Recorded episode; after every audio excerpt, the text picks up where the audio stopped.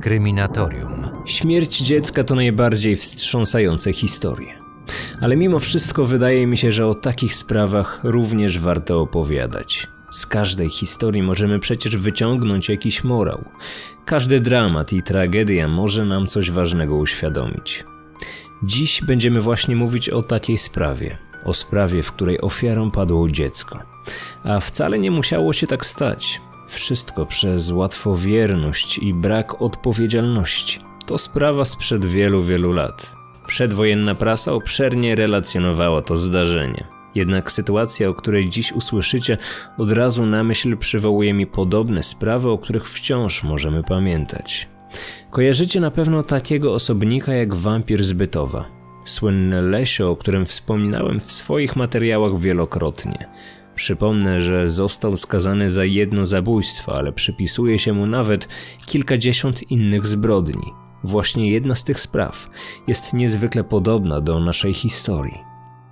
Porwanie półrocznej dziewczynki w Białymstoku. Nieznany sprawca w biały dzień wyciągnął dziecko z wózka. Porwał je i zabił. Ta sprawa do dziś nie została wyjaśniona, ale według niektórych głosów to właśnie Lesio może za ten czyn odpowiadać. Pisała o tym m.in. Magda Emilianowicz w swojej książce Bestia Studium Zła. Dzieci z oczywistych względów są łatwym obiektem dla zboczeńców i porywaczy. Nie mają szans na starcie z silniejszym przeciwnikiem. Z uprowadzeniem nie mają problemów nawet kobiety, które nie wzbudzają na pierwszy rzut oka żadnych podejrzeń. Właśnie taką sprawę chciałbym Wam dziś przedstawić. Okazuje się, że na przestrzeni lat niewiele się zmieniło. Wiem, że wśród słuchaczy jest wiele młodych kobiet. Zakładam więc, że sporo z Was jest także szczęśliwymi matkami i odpowiedzialnymi matkami. Ale mimo wszystko proszę posłuchajcie o tej historii, która pomoże nam, tak myślę, uzmysłowić sobie, że zło naprawdę czai się wszędzie. Kryminatorium. Otwieramy akta tajemnic.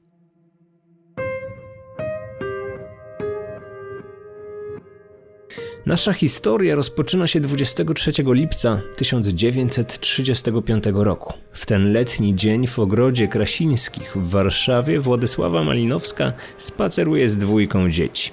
Kobieta pracuje jako niania u zamożnej żydowskiej rodziny Szafirsteinów. Pod opieką ma sześcioletniego chłopca i siedmiotygodniową dziewczynkę. Wychodzenie z nimi na spacer jest codziennym, stałym punktem jej obowiązków. Ogród Krasińskich znajduje się na warszawskim Muranowie. Jest idealnym miejscem, żeby się przejść, zwłaszcza w lato. Jest przyjemnie ciepło, cicho i spokojnie. Wiele matek wybiera to miejsce na spacery ze swoimi pociechami. Jeszcze przed południem można na każdym kroku spotkać tutaj kobiety z wózkami. Dom żydowskiej rodziny znajduje się przy ulicy Karmelickiej, 15 minut na piechotę od parku blisko, żeby w razie złamania pogody lub innych nagłych wypadków móc szybko wrócić. Około godziny 11 do Malinowskiej podchodzi znana jej z widzenia młoda kobieta. Po krótkiej rozmowie prosi nianie, by pozwoliła jej przejść się wokół ogrodu z dzieckiem, znajdującym się w granatowym wózku. Ponieważ Władysława kojarzy tę dziewczynę, niewiele myśląc zgadza się na chwilę oddać jej oboje dzieci. Może nawet wtedy cieszy ją myśl, że chociaż przez chwilę będzie mogła odpocząć. Jednak wtedy nie wie jeszcze, że jej lekkomyślna decyzja już na zawsze zmieni życie dla wielu osób.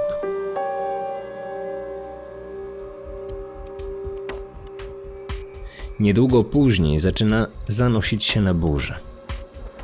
Nadciągały czarne chmury. Zaczęło grzmieć. Malinowska musiała zadbać o to, by dzieci nie zmokły i szybko odprowadzić je do domu. Poszła więc szukać kobiety, z którą zostawiła dzieci. Niestety ogród Krasińskich jest spory. Jego przejście może chwilę zająć. W którą stronę powinna się kierować? Gdzie pójść? Ta kobieta może już wtedy pożałowała tej swojej nieprzemyślanej decyzji. Na szczęście po drodze spotyka chłopca. Ale co stało się z jego siostrą? Tamta pani kazała mi wrócić. Powiedziała, że jedzie na plac Krafińskich. To nie są żarty. Wystraszona niania biegnie w stronę placu mieszczącego się tuż przy ogrodzie. Kto pozwolił tej dziewczynie bez pozwolenia zabrać niemowlę i jechać z nim na plac? Władysława ma złe przeczucie.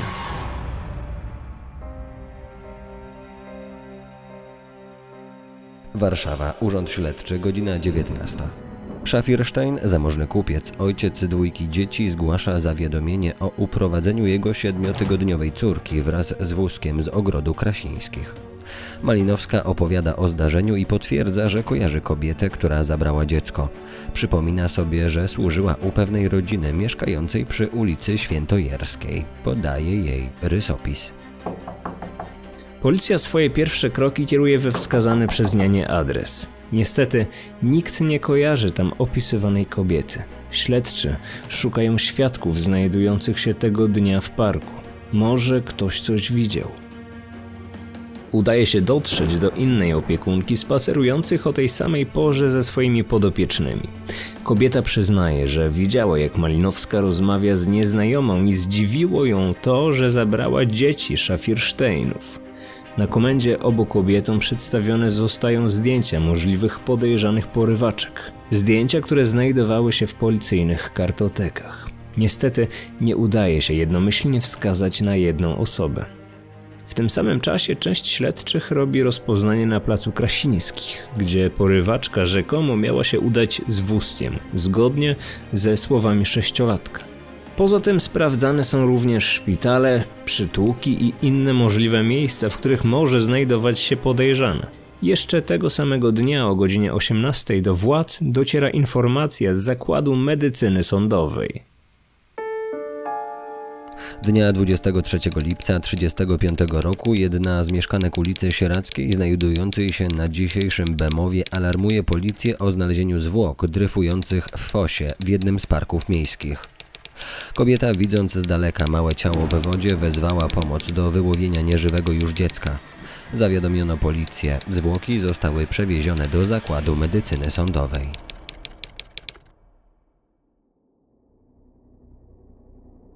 Szafirstein po okazaniu odnalezionych zwłok szybko rozpoznaje swoją uprowadzoną córkę. Na miejscu ustalono, że dziecko zostało najprawdopodobniej uduszone. A następnie wrzucone do rzeki. W płucach stwierdzono obecność wody. Śledczy stanęli teraz przed nowym zadaniem. Należało ustalić sprawcę porwania dziecka, przyczynę tego uprowadzenia i samego zabójstwa. Koniecznie trzeba było odszukać granatowy wózek, który stanowi ważny trop w tej sprawie. Pobocznie należało także sprawdzić Władysławę Malinowską, czy mogła być bezpośrednio zamieszana w porwanie, a także stosunki panujące w domu jej pracodawcy. Wszystko to przez jedną nieprzemyślaną decyzję. O tragedii Szafirsteinów zrobiło się głośno w całym kraju. Pisały o tym chyba wszystkie większe dzienniki. Każdy zastanawiał się nad tym, co wydarzyło się pod koniec lipca w ogrodzie Krasińskich. Kim jest ta bestia, która porwała i być może zabiła siedmiotygodniowe dziecko? Kim są rodzice tego dziecka? Szafirsteinowie to poważni i zamożni kupcy, stać ich na posiadanie służby. Ani prasa, ani policja nie znajdują w ich życiorysie nic wzbudzającego podejrzenia. Nie mieli wrogów, nie wiedzą, kto mógłby stać za porwaniem ich siedmiotygodniowej córki.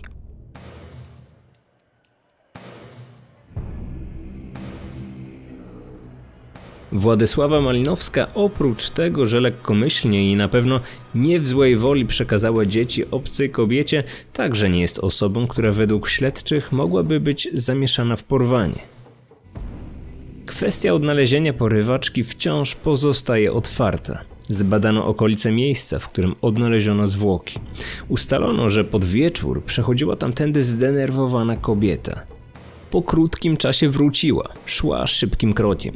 Według przepytanych przechodniów wózek musiał być wtedy pusty, ponieważ gdyby miało w nim znajdować się dziecko, ciężko byłoby mu spokojnie wytrzymać wstrząsy wynikające z szybkiej i nieostrożnej jazdy. Okazany rysopis pasował do wyglądu tej kobiety.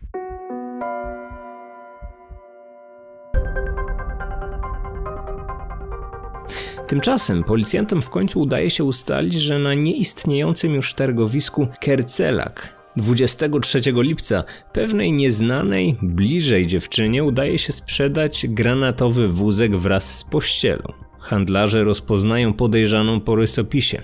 W końcu udaje się znaleźć jakiś punkt zaczepienia. Podejrzana przy sprzedaży wózka podała się za Mariannę Szmek, Zamieszkałem przy ulicy Burakowskiej 32. Adres ten zostaje od razu sprawdzony, jednak pod wskazanym numerem nikt taki nie mieszka. Policja podejrzewa, że dane mogły zostać sfałszowane, jednak przeczesuje okolice w nadziei, że trafi na jakiś ślad. Policjanci w mieście upowszechniają rysopis, a w domach zamieszkałych przez kobiety z okolic Burakowskiej zostawiają wezwania do urzędu śledczego, tak by przyjrzeć się możliwie jak największej liczbie potencjalnych porywaczek. Jednak to trochę jak szukanie igły w stogu siana. Ale dość szybko udaje się na coś trafić. Na wezwanie śledczych nie odpowiada Janina. Zamieszkała w jednym z domów na Burakowskiej. Kobieta pasuje do rysopisu, niestety udaje jej się w porę uciec. Gazety trąbią o poszukiwaniach kidnaperki. Policja dociera do kochanka podejrzanej. Ten zeznaje, że nie ma pojęcia, gdzie obecnie znajduje się kobieta, ale za to wie, że pochodzi ze wsi Sońsk w powiecie ciechanowskim. Ekspres Zagłębia 31 lipca 1935 roku. Wczoraj we wsi Sońsk ujęto morderczynię dziecka porwanego z ogrodu Krasińskich. To 28-letnia Janina Szymczak zamieszkała przy Burakowskiej 22 razem ze swym kochankiem. Ukrywała się w domu matki. Minął tydzień, jak zbrodniarka porwała niemowlę. Przez kilka godzin szła ulicami miasta, aż znalazła się z wózkiem na kolonii Ulrichów, gdzie widziano ją kręcącą się po polach. Szymczakówna udusiła dziecko kołderką, a następnie porzuciła zwłoki do fosy. Po dokonaniu zbrodni udała się na plac Kercelego, aby spieniężyć wózek. Zatrzymana zbrodniarka zachowuje się cynicznie, do wszystkiego się przyznaje. Zatrzymana kobieta początkowo przedstawia się innym nazwiskiem. W końcu jednak ugina się i podaje prawdziwe dane. Wielokrotnie zmienia swoje wyjaśnienia. Ostatecznie twierdzi, że dziecko porwała z myślą o tym, by od jego rodziców uzyskać okup. Celowo wybrała ten konkretnie wózek, ponieważ poznała po nim, że musi należeć do kogoś bogatego. Swoje zachowanie tłumaczyła tym, że choruje na chorobę weneryczną, a uzyskane pieniądze chciała przeznaczyć na kurację leczniczą. W przechowaniu dziecka miała jej pomóc przyjaciółka. Jednak w momencie, gdy dziewczyna zaczęła płakać, jej plan wymykał się spod kontroli. Musiała uciszyć dziecko. Uciekając z Warszawy, przeszła blisko aż 100 kilometrów pieszo.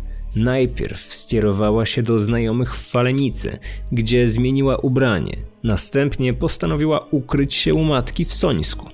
Bała się korzystać z pociągów ze względu na to, że tam ktoś mógł ją rozpoznać postanowiono umieścić 28-latkę w zakładzie psychiatrycznym w Tworkach, by zbadać jej poczytalność. Jeszcze siedząc w areszcie, próbowała popełnić samobójstwo. Gazety pisały o połknięciu przez nią agrafki, jednak po przeprowadzonej krótkiej operacji ostry przedmiot udało się usunąć z jej ciała. Teraz oczekiwała na proces. 10 marca 1936 roku w Sądzie Okręgowym we Warszawie rozpoczął się proces Janiny Szymczakówny, oskarżonej o porwanie z ogrodu Krasińskich, a następnie zamordowanie siedmiotygodniowego dziecka, córki Szafirsteinów. W dzienniku Ostatnie Wiadomości przedstawiono dokładną relację z rozprawy.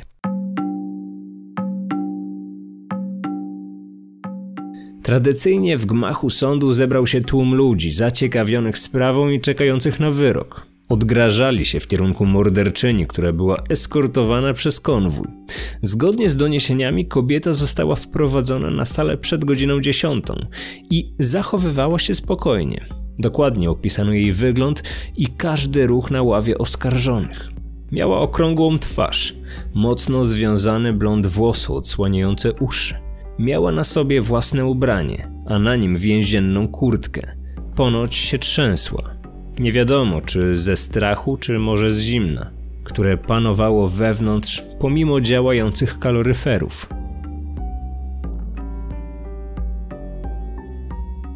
Na sali tuż przed sędzią postawiono granatowy wózek. To ten sam wózek, w którym oskarżona porwała dziecko, a następnie go sprzedała. Obok niego leżały paczki z ubrankami dziewczynki. Zaraz po wejściu składu sędziowskiego na salę, na środek wywołano Janinę. Od razu podkreślono, że oskarżona do tej pory przedstawiała się różnymi nazwiskami: Krysiel, Kułakowska, Kryska, Szuch. Zdarzało jej się także legitymować dowodem swojej siostry, Marianny. Janina jako czternastolatka przyjechała do Warszawy z zamiarem nauki i pracy w branży krawieckiej, ale to jej nie wyszło. Sąd przeszedł do zadawania dalszych pytań, które dotyczyły życia i dnia, w którym popełniła zbrodnię. Czy oskarżona była karana? Jeden raz. Janina już na samym początku minęła się z prawdą, ponieważ ciążyło na niej więcej wyroków za kradzieże. W jednej z gazet możemy trafić na informację, że karana była sześć razy. Po odczytaniu aktu oskarżenia kobieta przyznała się do winy i zgodziła się dalej odpowiadać na pytania. Wcześniej nigdy nie byłam w ogrodzie Krasińskich, miałam ochotę pospacerować. Dlaczego oskarżona wzięła wózek? Widziałam, że jest w nim ładne dziecko. Myślałam, że służąca też ze mną pójdzie. Zachciało mi się przejść nad wodę, ale nie pamiętam, którędy dokładnie tam pojechałam. Dojechałam na wolę. Dziecko zaczęło płakać, więc starałam się je uspokoić. Nie udało się, więc przykryłam twarz dziewczynki poduszką. Wtedy przestała płakać. Co działo się dalej? Przyszła mi jakaś głupia myśl i wrzuciłam dziecko do wody. Oskarżona w trakcie dochodzenia przyznała, że porwała dziecko dla okupu. To jak w końcu było? Tak nie było i ja tak nie mówiłam. Ze względu na rozbieżności ze składanymi wcześniej wyjaśnieniami, sąd odczytał pierwsze wyjaśnienie Janiny. Czemu zmieniła wersję? Może dotarło do niej, że musi wycofać się ze swoich wszystkich wcześniejszych słów, by mieć szansę na najniższy wyrok.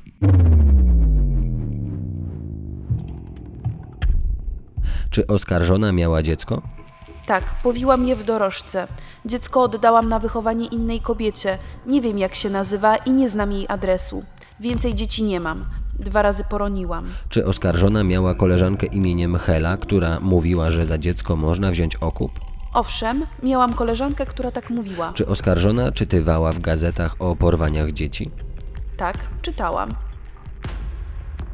Ostatnie pytanie dotyczyło jej związków z mężczyznami. Jednym z jej ostatnich kochanków był złodziej odsiadujący obecnie w więzieniu karę za kradzieże. Kolejnym etapem rozprawy przeciwko Janinie była próba wyjaśnienia, czy porwane dziecko zmarło wskutek uduszenia czy utopienia. Kobieta zademonstrowała, w jaki sposób zakryła poduszką twarz dziewczynki, gdy płakała. Powołani niestety nie byli w stanie ostatecznie tego stwierdzić, jednak skłaniali się ku wersji, w której Janina udusiła dziecko, a zwłoki wyrzuciła do wody. Jednym z ważnych powołanych świadków była kobieta, która za 17 zł kupiła wózek. Przyznała, że oskarżona była wtedy spokojna, a nawet lekko przygnębiona. Twierdziła, że wózek sprzedaje po zmarłej córce i chciałaby jak najszybciej zapomnieć o tym przykrym zdarzeniu. Handlarka próbowała pocieszyć kobietę. Mówiła jej, że jest młoda, że ma jeszcze szansę na potomstwo, ale ta odpowiedziała, że nie może mieć już dzieci, ponieważ przechodziła ciążę pozamaciczną i jest po ciężkiej operacji.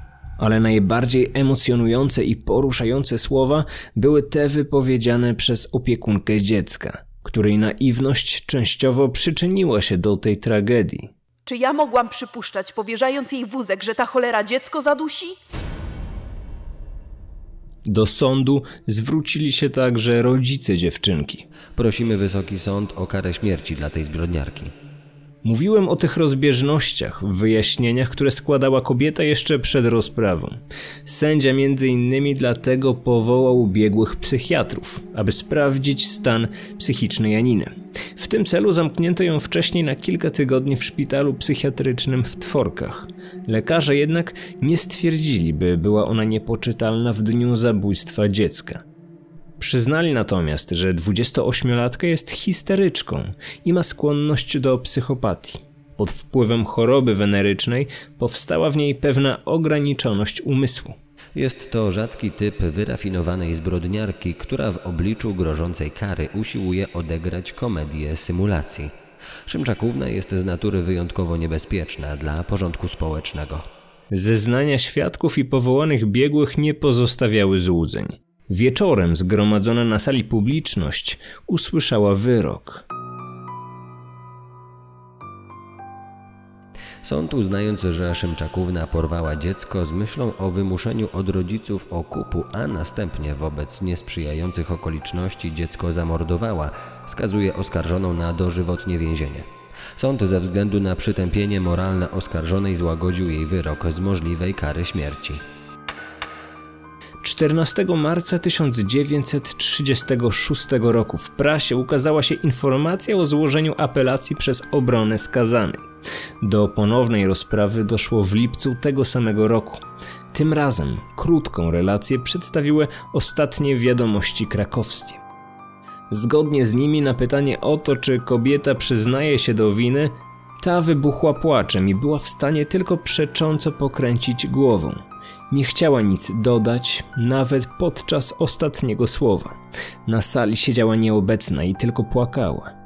Jak możecie się domyślić, sąd apelacyjny podtrzymał wcześniejszy wyrok. Kobieta jednak tym razem przyjęła go o wiele gorzej. Zaczęła głośno krzyczeć i spazmować. Skazana histerycznie objęła ławę, nie pozwalając ruszyć się z miejsca.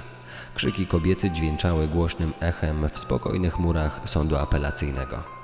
Po kilku minutach pięciu posterunkowych i woźnych wyniosło ją na rękach do więziennej karetki. Jak możemy przeczytać w Gońcu Częstochowskim, kobieta jeszcze przed drugą sprawą wystąpiła do sądu o pozwolenie na ślub z kochankiem. Wyrażono na to zgodę, jednak ponoć prokurator uznał to za celowe posunięcie, aby ubiegać się o wcześniejsze wypuszczenie z więzienia. A co się stało później z Janiną? No, to pozostaje zagadką. Kto wie, może w więziennej celi odebrała sobie życie. A może doczekała do momentu wybuchu II wojny światowej i wtedy opuściła więzienie. Jak potoczyło się jej życie? Dalszą część tej historii możecie dopisać już sami w swojej wyobraźni.